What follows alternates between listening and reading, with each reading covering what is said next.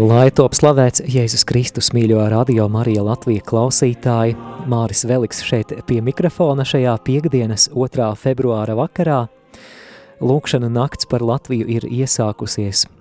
Kāpēc šādas lūkšanu naktis par Latviju ir vajadzīgas? Un cerams, ka tas, ko es teikšu, arī atsauksies daudzās sirdīs un uh, arī kalpos kā tāds eh, motivējošs grūdiens ikvienam no mums, jo reizēm nav viegli pavadīt vairākas stundas pēc kārtas lūkšanā. Bet eh, es vēlētos šo uzrunu iesākt tagad ar lūkšanu, apzīmēsim sevi ar krusta zīmi un aicināsim svēto garu. Dieva tēva un dēla un svētā gara vārdā Āmen. Mīļais Dievs svētais gars – Šajā brīdī, kad lūkšanu nakts par Latviju vēl tikai sākas, mēs atzīstam savu cilvēcisko nespēku un mēs lūdzam tavu palīdzību. Mēs lūdzam, lai tu svētais gars tagad bagātīgi izlējies pār mums, kas dežurēsim šajā naktī šeit studijā, un izlējies pār ikvienu radio klausītāju. Piepulcini mūsu lūdzēju pulkam tos cilvēkus, kuri varbūt šobrīd vēl pat neplāno piedalīties, bet lai viņi nejauši ieslēdz šo radiostaciju vai arī atrot video tiešraidi sociālajos tīklos. Un mēs lūdzam šķīstī mūsu motivāciju šajā lūkšanā. Palīdz mums lūgties tādēļ, ka mēs mīlam tevi, Dievs, tādēļ, ka mēs mīlam Latviju un tās tautu, un tādēļ, ka mēs dedzīgi ilgojamies redzēt šo zemi šķīstītu, svētdarītu, svētā gara aizdedzinātu, zemi, kurā tavs svētais vārds tiek pagodināts. Nāc svētais gars, nāc arī pār mani šajā brīdī dot man īstos vārdus, ar kuriem uzrunāt radio klausītājus. Paldies Tev, kungs, par to, ko Tu esi sagatavojis. Dievs, mēs jau tagad pateicamies par to, ka šīs lūkšanas noteikti nesīs augļus, ka mēs redzēsim augļus, mēs redzēsim rezultātus. Nāc, svētais gars, nāc, mēs ilgojamies pēc tavas klātbūtnes. Esi tu tas, kas mūs pavadi šajā vakarā, šajā naktī. Esi tu tas, kas iedvesmo mūsu lūkšanu. Mēs tevi lūdzam Jēzus Kristus vārdā Āmen, Dieva tēva un dēla un svētā gara vārdā Āmen. Ļoti daudzu cilvēku sirdīs eh, šajās dienās rezonē vēstījums, kuru varētu rezumēt apmēram šādi. Mēs šobrīd Latvijā esam nonākuši krustcelēs, kad Latvijas nākotni lielā mērā izšķirs tas, vai draudzes sāks lūgties par sevi, savas zemes glābšanu un atzimšanu. Tieši no draudžu garīgās atbildības uzņemšanās par savu zemi – pavisam jaunā, vēl nebijušā līmenī, šobrīd ir atkarīgs tas, vai Latvijas nākotnes trajektorija pavērsīsies atzimšanas virzienā, vai turpinās virzīties pretī iznīcībai un postam. Pagaidām, diemžēl Latvijas kristiešu mūsu tātad lūkšanas atbilde uz izaicinājumiem, kuri ir draudz mūsu pastāvēšanai nākotnē, nav atbilstoša un vēl nav pagaidām proporcionāla tai intensitātei, kādā pār Latviju turpina sabiezēt tumši mākoņi. Un līdz ar to mūsu kā kristiešu garīgā ietekme uz notiekošo Latvijā pagaidām, es uzsveru, ka pagaidām, jo mēs ticam, ka viss mainīsies, ka atmoda nāks, un tāpēc jau mēs arī lūdzamies. Un, un pagaidām mūsu kā kristiešu garīgā ietekme uz Latvijas nākotni šobrīd ir pārāk niecīga. Šī aicinājuma būtība ir, ir pienācis laiks to mainīt. Lūkšanai par Latviju ir jākļūst kampaņveidīgai, ar nešaubīgu cerību, ka Dievam ir atbilde un ka Dieva atbilde uz mūsu mērķtiecīgu, vienprātīgu un ilgstošu tautas lūkšanu nesīs lielus augļus visdažādākajās mūsu sabiedrības sfērās, visdažādākajos mūsu sabiedrības līmeņos. Es vēlos eh, turpinājumā padalīties vienā domā, tā centrālā doma, kuru es eh, vēlos eh, arī kā tādu ceļa maizi šai lūkšanu naktī dāvināt, ir šī. Mēs vēlamies redzēt Latvijas nākotni nevis nejaušu, bet izlūgtu. Atkārtošu šo domu vēlreiz, jo tā ir šī centrālā vēsts šajā uzrunā, ka mēs vēlamies redzēt Latvijas nākotni nevis nejaušu, bet izlūgtu. Es domāju, ka tu jau pats nojaut, ka ir liela atšķirība starp kaut ko nejaušu un to, kas ir izlūgts. Nejauši ir tad, kad mēs ļaujamies vienkārši notikumu plūsmai. Nu kā būs, tā būs. Savukārt, ja kaut kas ir izlūgts, pār to ir īpaša Dieva svētība. Dievs ietekmē procesus tajās lietās, kuras ir izlūgtas. Un kas attiecas uz uh, mūsu Latviju, uz mūsu Latvijas nākotni, mēs vēlamies redzēt Latvijas nākotni nevis nejaušu, bet izlūgtu. Es domāju, ka tu, brāli, tu māsa piekritīsi, domāju, ka diez vai mēs kā kristieši gribētu redzēt, lai Latvijas nākotne būtu nejauša. Nu, kā būs, tā būs. Pieņemsim, ka notikumi dabiski attīstīsies vienkārši tā, kā tie attīstās. Vienkārši dažādu apstākļu kopums mūs parauj tādā straumē, mēs plūstam, arī varbūt ļaunais var atstāt savu smirdīgo plecku kaut kur mūsu dzīves telpā, Vienkārši viss kaut kā plūst, un tad mēs kā kristietīši nabadziņi stāvam tajā visā pa vidu un vaimanājam, nu neko jau nepadarīsi, tādi slikti laiki pienākuši. nē, nē, ir laiks uzņemties garīgo atbildību par Latviju, un tam būs ļoti lieli augļi. Es esmu pilnīgi pārliecināts, ka tam būs ļoti lieli augļi, jo mēs vēlamies redzēt Latvijas nākotni nevis nejaušu, bet izlūgtu. Nu, ja, piemēram, visi runā par to, ka tās demogrāfijas tendences mums ir tādas, ka mums draud iznīkšana, mēs taču negribam, lai šie procesi turpinās tā, kā tie turpinās, un vienkārši gaidīt un cerēt, nu, gan jau, ka mūs kaut kā tas neskars, neskapēc. Nē, mēs negribam, lai tas plūst pašplūsmā. Mēs gribam izlūgt mūsu Latvijai nākotni. Vai, piemēram, Mēs eh, zinām par kādu eskalāciju drošības jomā saistībā ar visiem notikumiem Ukrainā un tā tālāk. Mēs taču negribam ļauties pašplūsmai, vai ne? Mēs gribam Latvijas nākotni izlūgtu, mēs gribam drošu Latviju, kurā ir mierīgas debesis.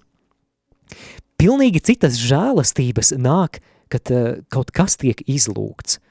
Domāju kādu, lai piemēru min, nu es domāju piekritīs ir liela atšķirība, vai cilvēks aprecās eh, teju vai nejaušības dēļ, nu vienkārši vai varbūt, piemēram, izmisumā, ka nu nevar atrast otro pusīti, nu precēs, kurš tur pagadās, ar ko pagadās vienkārši. Savukārt liela atšķirība ir tad, eh, ja cilvēks izlūdz sev otro pusīti, ja sagaida otro pusīti, kas ir Dieva dāvināta.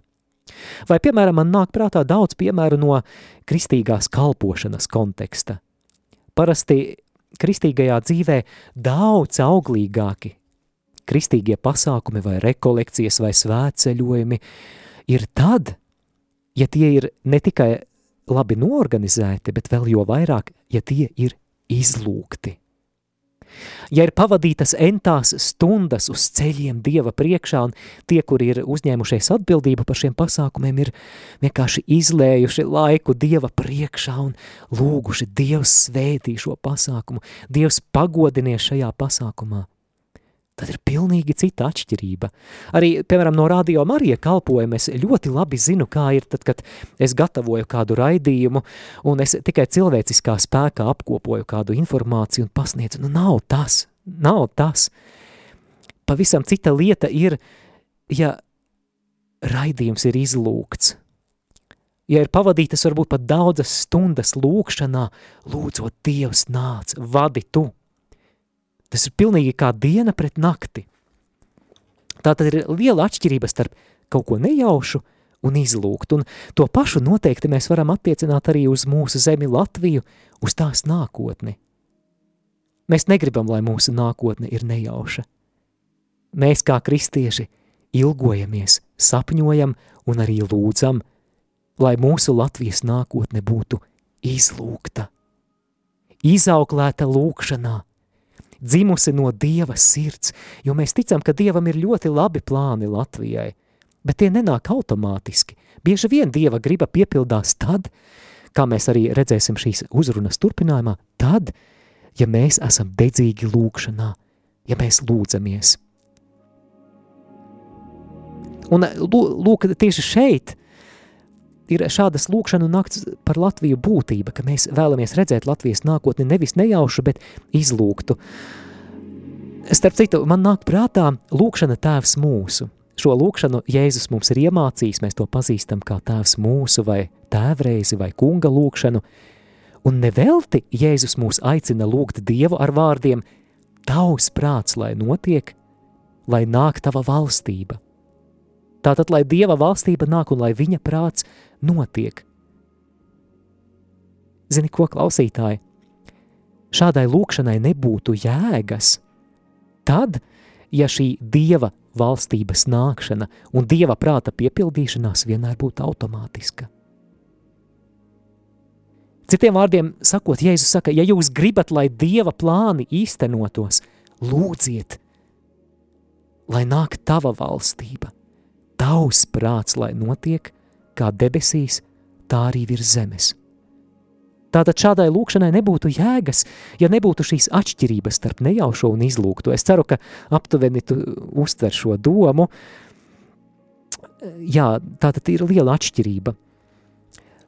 Un katra šāda lūkšana par Latviju ir ieguldījums mūsu nākotnē. Tajā, lai Latvijas nākotne mums, mūsu bērnu un mūsu bērnu bērnu dzīvē būtu sagatavota caur lūkšanu – Tas ir ieguldījums. Jā, varbūt caur upuri.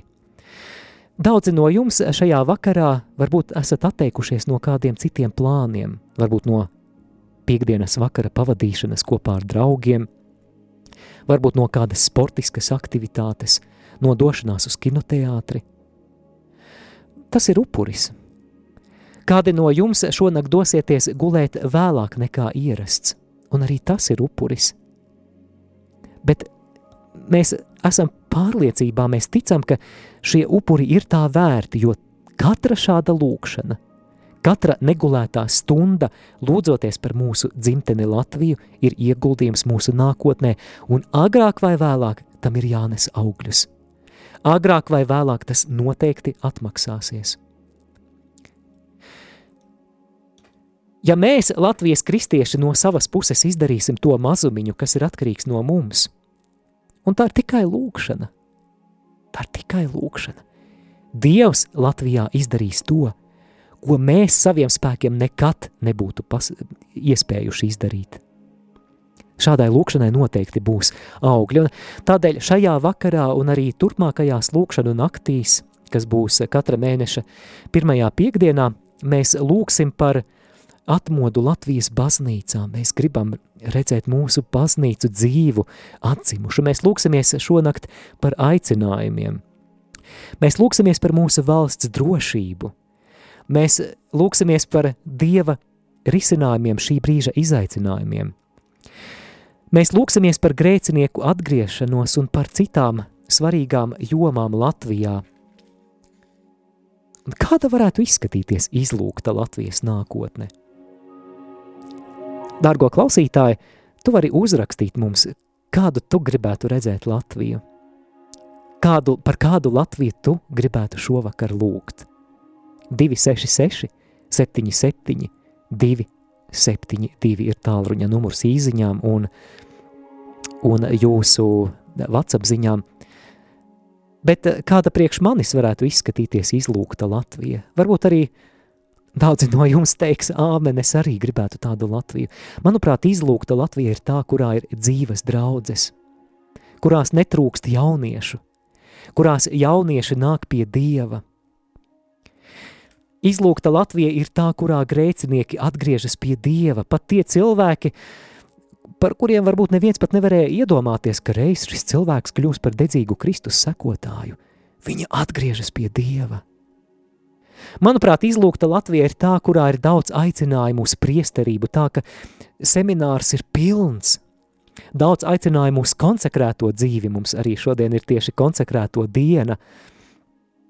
Manuprāt, izlūgta Latvija ir tā, kurā lielā godā ir Dieva vārdā noteiktās vērtības, piemēram, ģimenes izpratne, laulība kā savienība starp vīrieti un sievieti, un, un bērni, un, un nevis, nevis kādi mūsdienu ideoloģiju piedāvātie viltus modeļi. Manuprāt, izlūgta Latvija ir tā, kura neizmirst, bet kura atjaunojas, kurā bērnu dārzi eh, ir pilni un, un kurā skolas netiek slēgtas. Manuprāt, izlūgta Latvija ir tā, kas ir šķīstīta no grēka un okultisma. Latvija, kurā tiek slēgti dažādi bordeļi un spēļu zāles un citas grēka vietas, grēka perēkļi. Drošības ziņā, manuprāt, izlūgta Latvija ir tā, kuras debesis ir mierīgas. Latvija, pret kuru neviens ienaidnieka plāns nespēja īstenoties. Šo sarakstu varētu turpināt un turpināt, bet šāda ir tā Latvija, par kuru es vēlos lūgties. Es vēlos lūgties par garīgo atmodu Latvijā, bet šāda Latvija noteikti nav nejauša. Tā nav ļaušanās pašplūsmai, gaidot, ka, nu, gan jau viss kaut kā pats no sevis atrisināsies. Šādi izklausās, šādi izskatās izlūgta, Lat izlūgta Latvija. Dargo klausītāji, vai tu vēlies redzēt Latvijas nākotni nevis nejaušu, bet izlūgtu?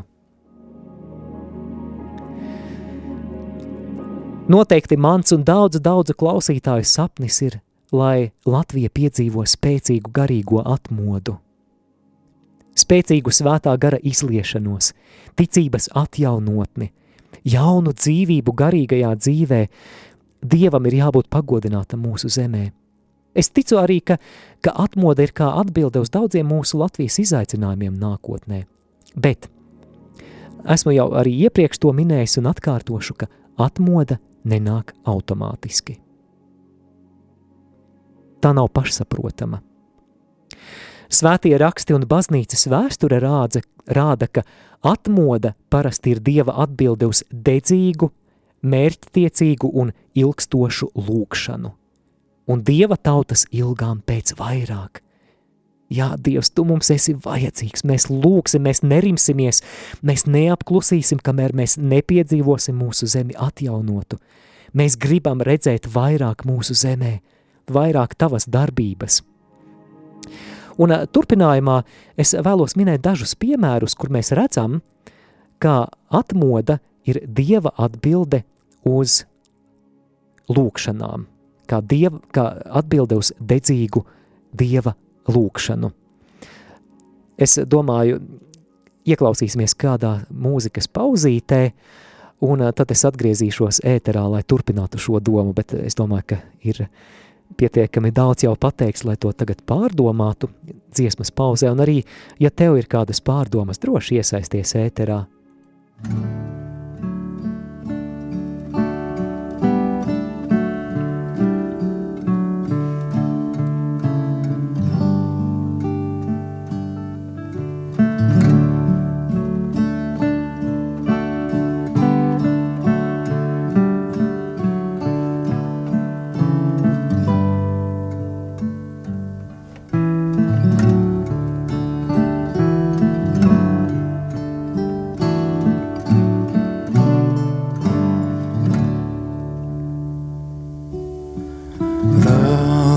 My shepherd, I'll not want. He makes me down to lie in pastures green. He leadeth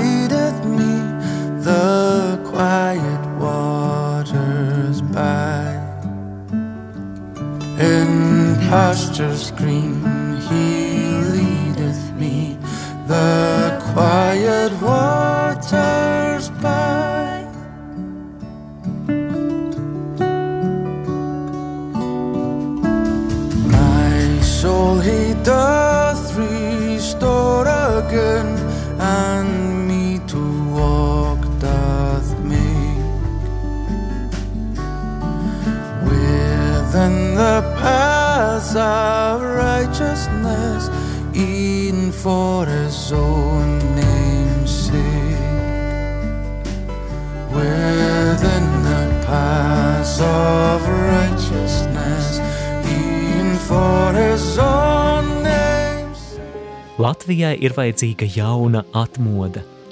patiesa un radikāla atgriešanās pie Jēzus. Un tomēr svētie raksti un atmodu pieredze baznīcas vēsturē liecina, atmoda nenāk automātiski, bet gan kā atbilde uz dedzīgu dieva meklēšanu un dieva tautas ilgām redzēt vairāk. Tāpēc Radio Marija Latvija katra mēneša pirmajā piekdienā tevi aicina uz lūkšanu naktīm par Latviju. Tiekamies jau šo piekdienu, 2. februārī. Vairāk kā jebkad mums ir vajadzīgs Dievs.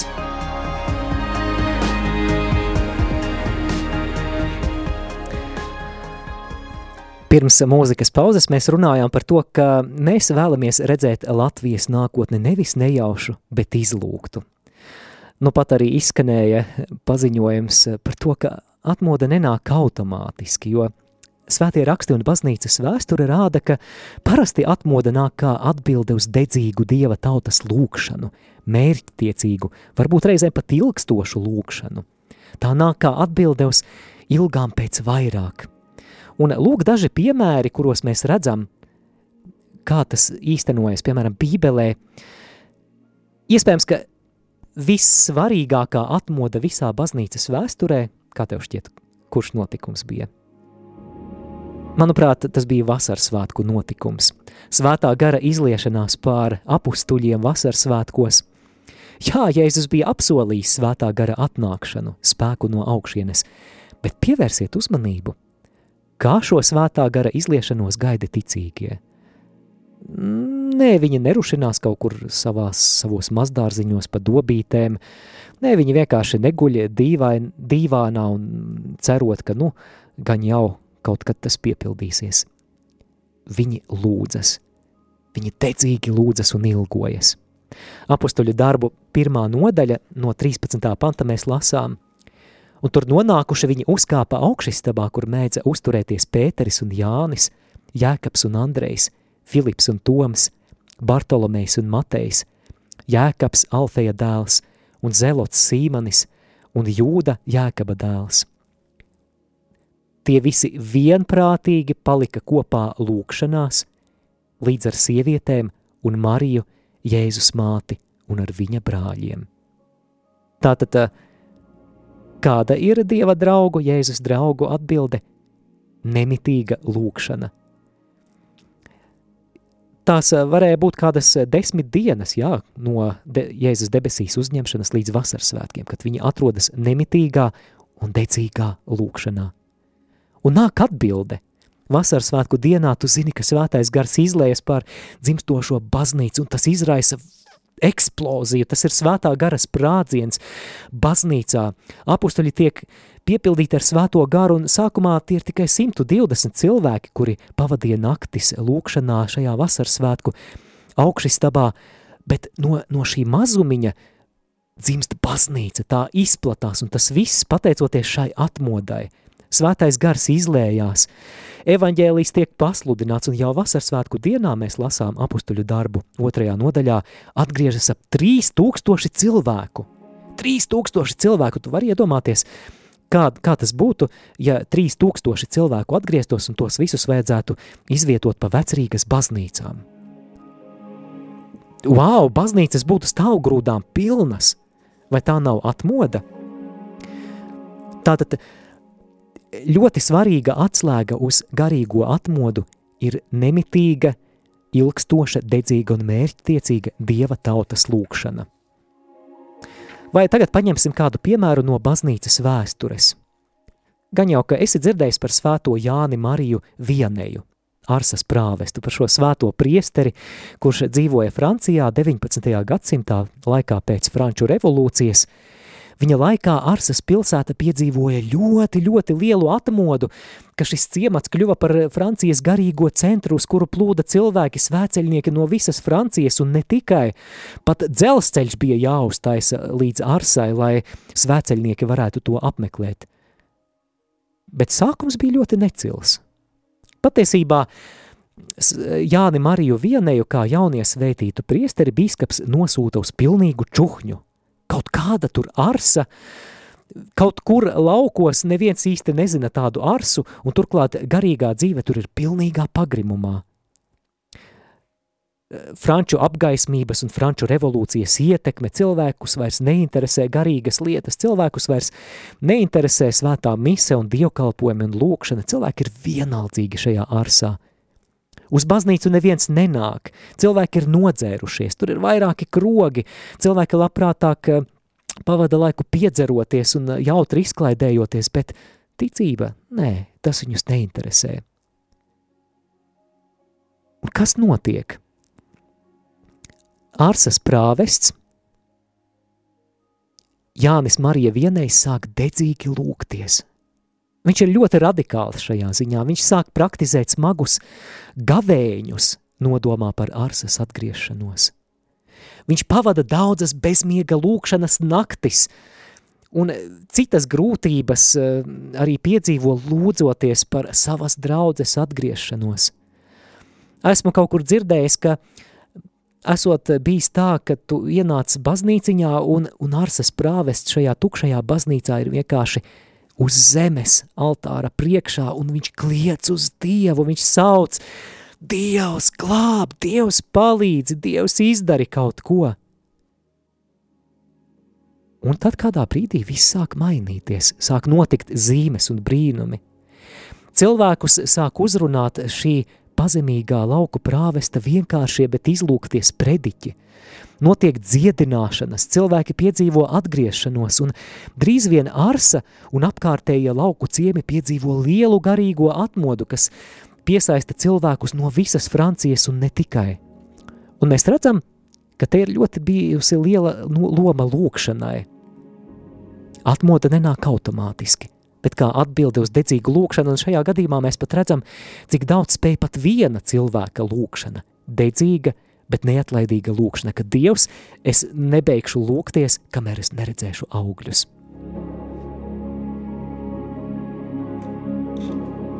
Vai cits piemērs no kristietības vēstures. Iespējams, visietekmīgākā garīgā atmoda pēdējās simtgadēs ir bijusi tā saucamā Azusas atmoda Losandželosā 1906. gadā. Patiesībā visa vasaras svētku kustība, visa harizmātiskā kristietības kustība, kas ir ļoti augošs kristietības spārns, ir iesākusies tieši šajā Azusas ielas atmodā. Un arī, piemēram, katoliskā harizmātiskā atjaunotne vai harizmātiskā atjaunotne citās konfesijās – lielā mērā sakņojas tieši šajā Azusas atmodā, kad uh, Losandželosā kādā ēkā, kādā bijušajā fabrikā, kur pulcējās lūdzēji, nonāca svētais gars kā vasaras svētkos, atraisījās svētā gara dāvanas, notika zīmes un brīnumi, dziedināšanas, cilvēki sāka lūgties mēlēs un piedzīvoja īpašu, īpašu pārdabisku dieva klātbūtni. Tur dieva klātbūtne bija vienkārši tik jūtama, ka tu ienāci kā tādā dieva mākotnī. Cilvēki sāka braukt uz turieni no, no visām vietām, cerot satikt dievu. Es vēlos tagad kādu citātu nolasīt, kāds vīrietis, kurš bija gan aculiecinieks, gan Azusas ielas atmodas dalībnieks, tāds Franks Bartelemans, sniedz savu liecību par šīm sanāksmēm, daži citāti.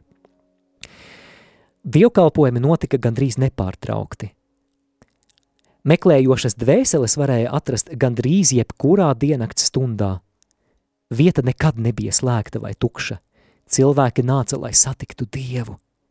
Viņš vienmēr bija klāt. Līdz ar to sapulce bija nepārtraukta. Sapulce arī nebija atkarīga no cilvēka, no, no vadītāja cilvēka. Dieva klātbūtne kļuva arvien spēcīgāka. Tajā vecajā ēkā ar zemajām spārēm un plikajām grīdām Dievs satrieca gabalos stiprus vīriešus un sievietes un atkal salika tos kopā savam godam. Tas bija milzīgs kapitāla remonta process. Lepnums, pašapmierinātība un pašcieņa tur nevarēja izdzīvot. Sapulces sākās pašas, spontāni, ar liecībām, slavēšanu, pielūgsmi, Mums nebija iepriekš sastādītas programmas, kuru varētu laicīgi izpildīt. Mūsu laiks bija tā kunga laiks. Pēkšņi gars krita pār draudzi. Pats Dievs aicināja cilvēkus pie altāra. Vīrieši krita pa visu māju kā kaujā nogalinātie, vai masveidā steidzās pie altāra, lai meklētu dievu. Aina bieži vien atgādināja kritušo koku mežu. Šādu ainu nevar atdarināt. Jā, tas ir tikai neliels ieskats tajā, kas notika Azusas ielas atmodā, bet, bet tās atmodas ietekme izplatījās pa visu pasauli, un, mm, ja, piemēram, tu šobrīd klausies, ja tev ir saistība, piemēram, ar, ar katoļ, katolisko harizmātisko atjaunotni vai mm, atjaunotni svētajā garā, tad uh, tam visam arī ir sakne šajā Azusas ielas atmodā. Bet, kāpēc es to pieminu? Tas viss nenotika vienkārši tā, pēkšņi, vienkārši ne no šā, ne no tā. Jau daudzus gadus pirms tam Losandželosā daudzi kristieši gribēja kaut ko vairāk piedzīvot. Viņi bija dzirdējuši, ka 20. gadsimta sākumā spēcīga garīgā atmoda sāko, sākās Velsā, un viņi gribēja kaut ko līdzīgu piedzīvot arī pie sevis Losandželosā. Un um, arī šis Franks Bartlemans savā grāmatā Azusas iela raksta par to, cik daudz negulētu nakšu lūkšanā pie pirms tam. Manuprāt, jau, jau šādas negulētas naktis, kad tu lūdzies par atmodu, jau ir kā tāda atmodas pirmā pakāpe. Tur bija cilvēki, kuri, kuri vienkārši no, no vakara līdz pat rītausmai pavadīja laiku lūkšanās un gavēņos, lūdzot Dievs, mēs gribam kaut ko vairāk. Mums nepietiek ar to, kas ir. Dievs darbojies, darbojies kā toreiz vasaras svētkos. Tie bija daudzi cilvēki, kuri, kuri tik daudz laika veltīja lūkšanai par to, lai atmoda nāktu. Un vienā brīdī tas ir tā kā tad, kad uh, tvaiks paceļas no zemes, veidojas lietus mākoņi, pamazām sāk zibeņu, zibeņot, tie mākoņi piebriest un kādā brīdī vienkārši debesis atvērtas, sāk līt. Kādā brīdī nāk šī atmoda, nāk spēcīga svētā gara izliešanās, kuras uh, ietekmi mēs joprojām uh, jūtam. Vai minēšu vēl vienu piemēru, un tā ir Tallinas atmoda. Atmoda Tallinā, kas pārsteidzoši notika padomju laikos vēl 70. gadu beigās.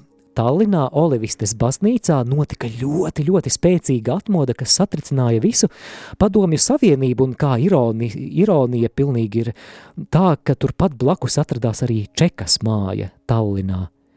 Un neraugoties uz to svētais gars tik spēcīgi, izlējās tā atmoda bija ļoti, ļoti iespaidīga. Cilvēki no visām padomju savienības republikām brauca uz Tallinu, lai piedzīvotu to, ka Dievs patiesi ir izlējis savu svēto garu Tallinā – notika dziedināšanas, zīmes un brīnumi. Cilvēki pat vienkārši neko nezinot par to vīzijās vai sapņos, pat saņēma vēsti, ka ir jābrauc uz Tallinu, jāmeklē baznīca ar visaugstāko torni, un, un Dievs jūs aicina uz turieni.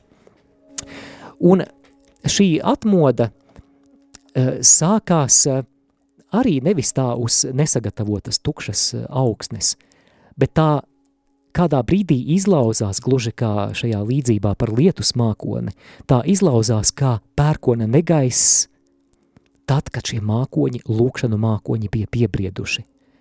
Tie bija, tā, tie bija daudzi gadi, kad, kad uh, Tallinas kristieši lūdza par to, ka viņiem nepietiek, ka viņi grib kaut ko vairāk, un mm, es... Uh, vēlos, lai mēs tagad ieklausāmies kādā audio ierakstā, tas būs.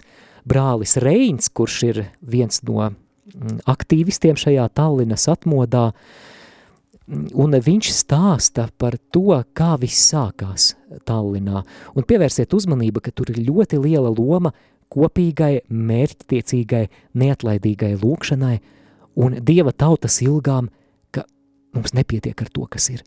Dievs, mēs gribam vairāk dušu i v dušu nekatorih drugih.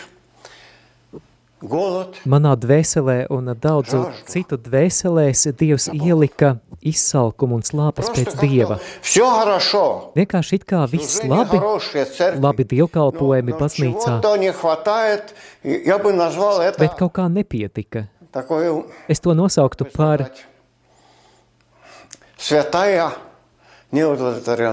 svēto neapmierinātību. Господь, что-то Dievs, должно быть больше. ir jābūt kaut kam vairāk, Мы начали искать лицо Господа. un mēs sākām meklēt kunga vaigu. Шесть человек Sākumā tikai 5, начали 6 вместе cilvēki. приходить молиться. Mēs sākām sanākt Потом kopā, эта lūgties. группа выросла.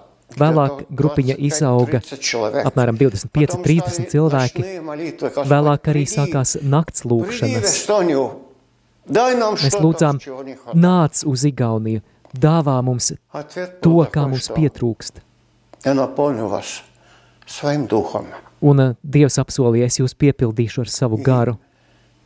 И так началось пробуждение, Un tā sākās atmoda, которое, которое потряс- потрясло, как в некоторых изданиях говорится, весь kura Советский satricināja visu padomju Союз. Мы savienību. самые обыкновенные люди, простые.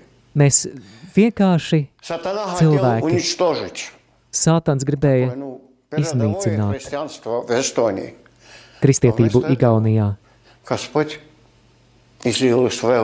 Bet Dievs izlēja savu svēto garu, ilgas pagodināt viņa vārdu, un viņš sāka dziedināt cilvēkus, piepildīt ar svēto garu, glābt, atjaunot.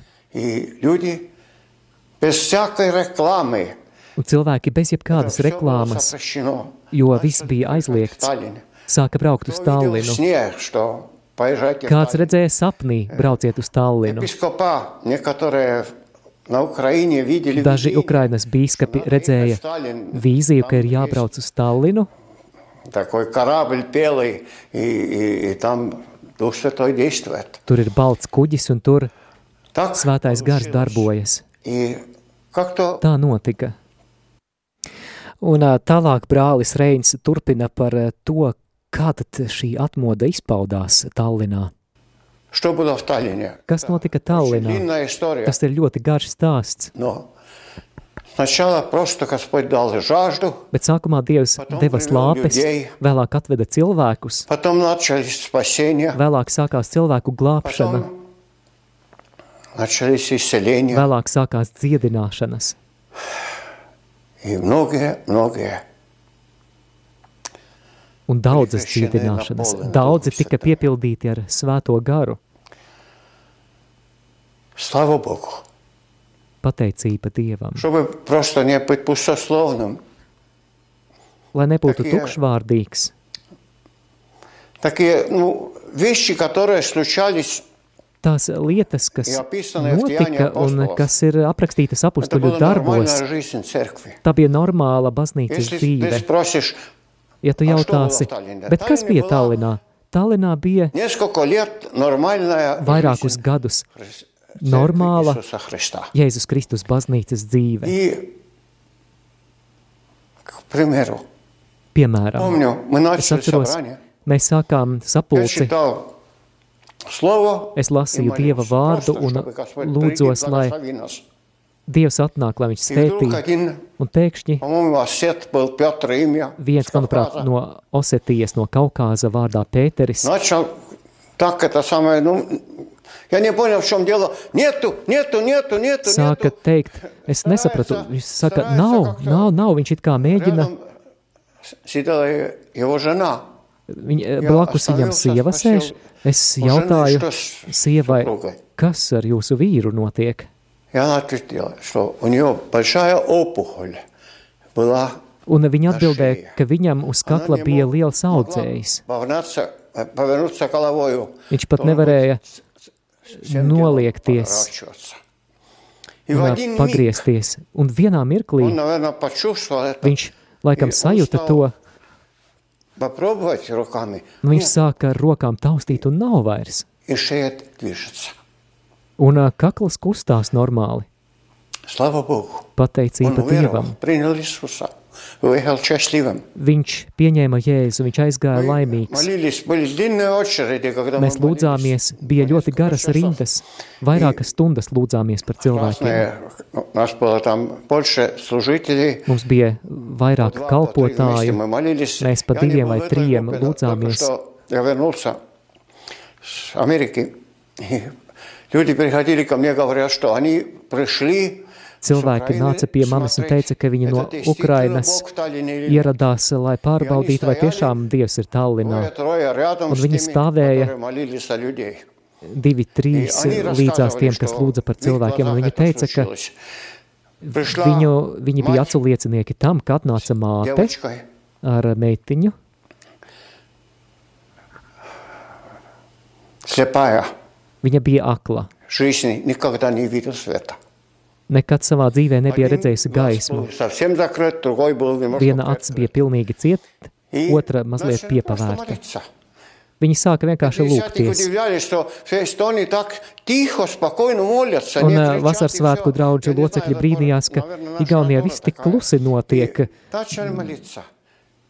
tik В их klusiņām, глазах un, этот закрытый глаз un открылся. viņu acu priekšā šī aizvērtā acis Глаза atvērās, начали с краев стать белее, белее, un белее. abas потому что они acis были no темные. maliņām sāka kļūt gaišākas, gaišākas, jo tās bija Уже tumšas. совсем белые. Tad pavisam kļuva baltas, И вдруг un девочка piepeši закричала.